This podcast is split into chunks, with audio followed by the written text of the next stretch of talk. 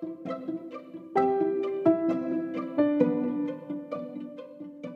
teman-teman semuanya, nama saya Alvira Gusti Salsabila. Kalian bisa panggil saya Salsa atau Caca. Di sini saya bakal nemenin waktu luang kamu dengan cerita-cerita yang unik, fakta-fakta yang menarik, dan ilmu pengetahuan yang tidak kalah asyik dan menarik pula. Oleh karena itu, selamat mendengarkan. Well, well, well intermezzo dan sedikit curhat dulu ya teman-teman. Jujur sebenarnya ini pertama kalinya dalam hidup saya membuat yang namanya podcast. Karena ini merupakan cara pengumpulan tugas dari dosen saya yang bernama Bu Sally. Jika ibu mendengarkan podcast saya ini Assalamualaikum Bu Sally. Jadi semisal pembawaan saya masih kaku, ada salah atau kurangnya, dan bahkan tidak enak untuk didengar, saya benar-benar memohon maaf yang sebesar-besarnya ya. By the way guys, apa kabar nih kalian semua? Aku harap kalian dalam kondisi yang sehat walafiat dan bersemangat menjalani hari tentunya. Jangan lupa juga untuk patuhi protokol kesehatan, minum multi multivitamin, jangan keluar rumah jika tidak perlu, dan yang terakhir jangan lupa vaksin tentunya. Banyak banget ya larangannya ya. Tapi sebenarnya upaya-upaya itu kita lakukan agar tubuh kita menjadi kuat dan kebal akan virus corona. Oke, Segitu dulu intermezzo dan curhat dari saya. Sekarang kita fokus ke pembahasan utama. Saya di sini mau membahas tentang perbedaan sumber belajar dan media belajar. Tapi sebelum menuju ke sana, saya mau jelasin dulu nih tentang sumber belajar. Para pendengar podcast saya ini apa ada yang udah tahu sih tentang sumber belajar? Pengertiannya, perannya, macam-macamnya atau apanya gitu? Kalau kalian belum pernah mendengar tentang sumber belajar atau belum mengerti lah ya tentang sumber belajar, dengerin penjelasanku ini dengan seksama. Oke? Okay?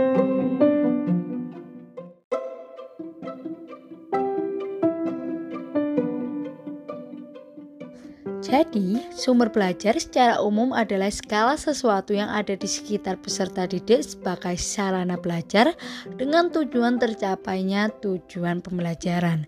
Sumber belajar ini sangatlah penting keberadaannya untuk pedoman bagi para peserta didik dalam mencari sebuah materi dan memecahkan suatu masalah.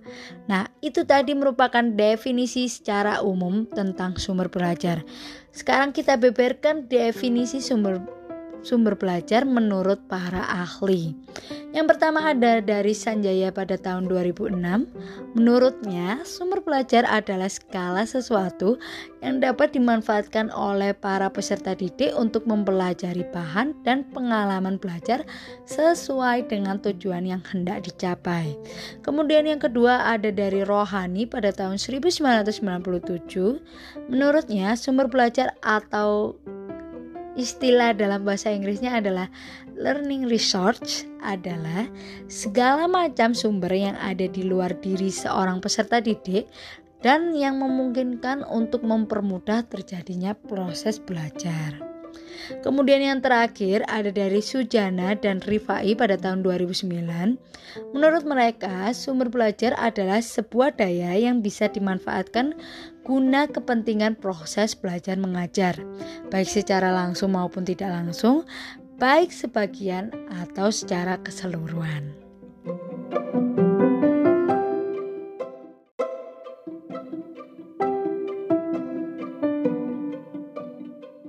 Sumber belajar ini memiliki perannya dalam kegiatan belajar mengajar, yaitu yang pertama sebagai sumber belajar itu sendiri, yang kedua sumber alat, yang ketiga sumber perangkat, dan yang terakhir sebagai kebutuhan lain yang diperlukan dalam pembelajaran. Sumber belajar ini bukan berbentuk satu jenis saja, tetapi di dalam sumber belajar itu sendiri memiliki berbagai macam-macam bentuk. Menurut Sujana dan Rifai pada tahun 2009, sumber belajar dapat diklasifikasikan berdasarkan wujudnya, antara lain sumber belajar tercetak, sumber belajar non cetak, sumber belajar yang berbentuk fasilitas, sumber belajar yang berupa suatu kegiatan, dan yang terakhir adalah sumber belajar berupa lingkungan di masyarakat.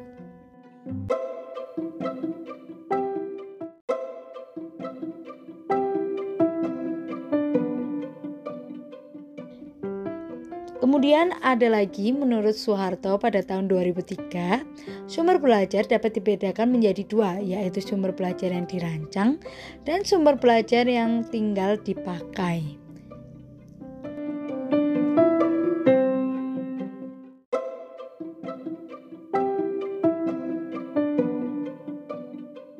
Pada tahun 2014, Sitepu menjelaskan mengenai macam-macam bentuk sumber belajar menurut Soeharto tadi.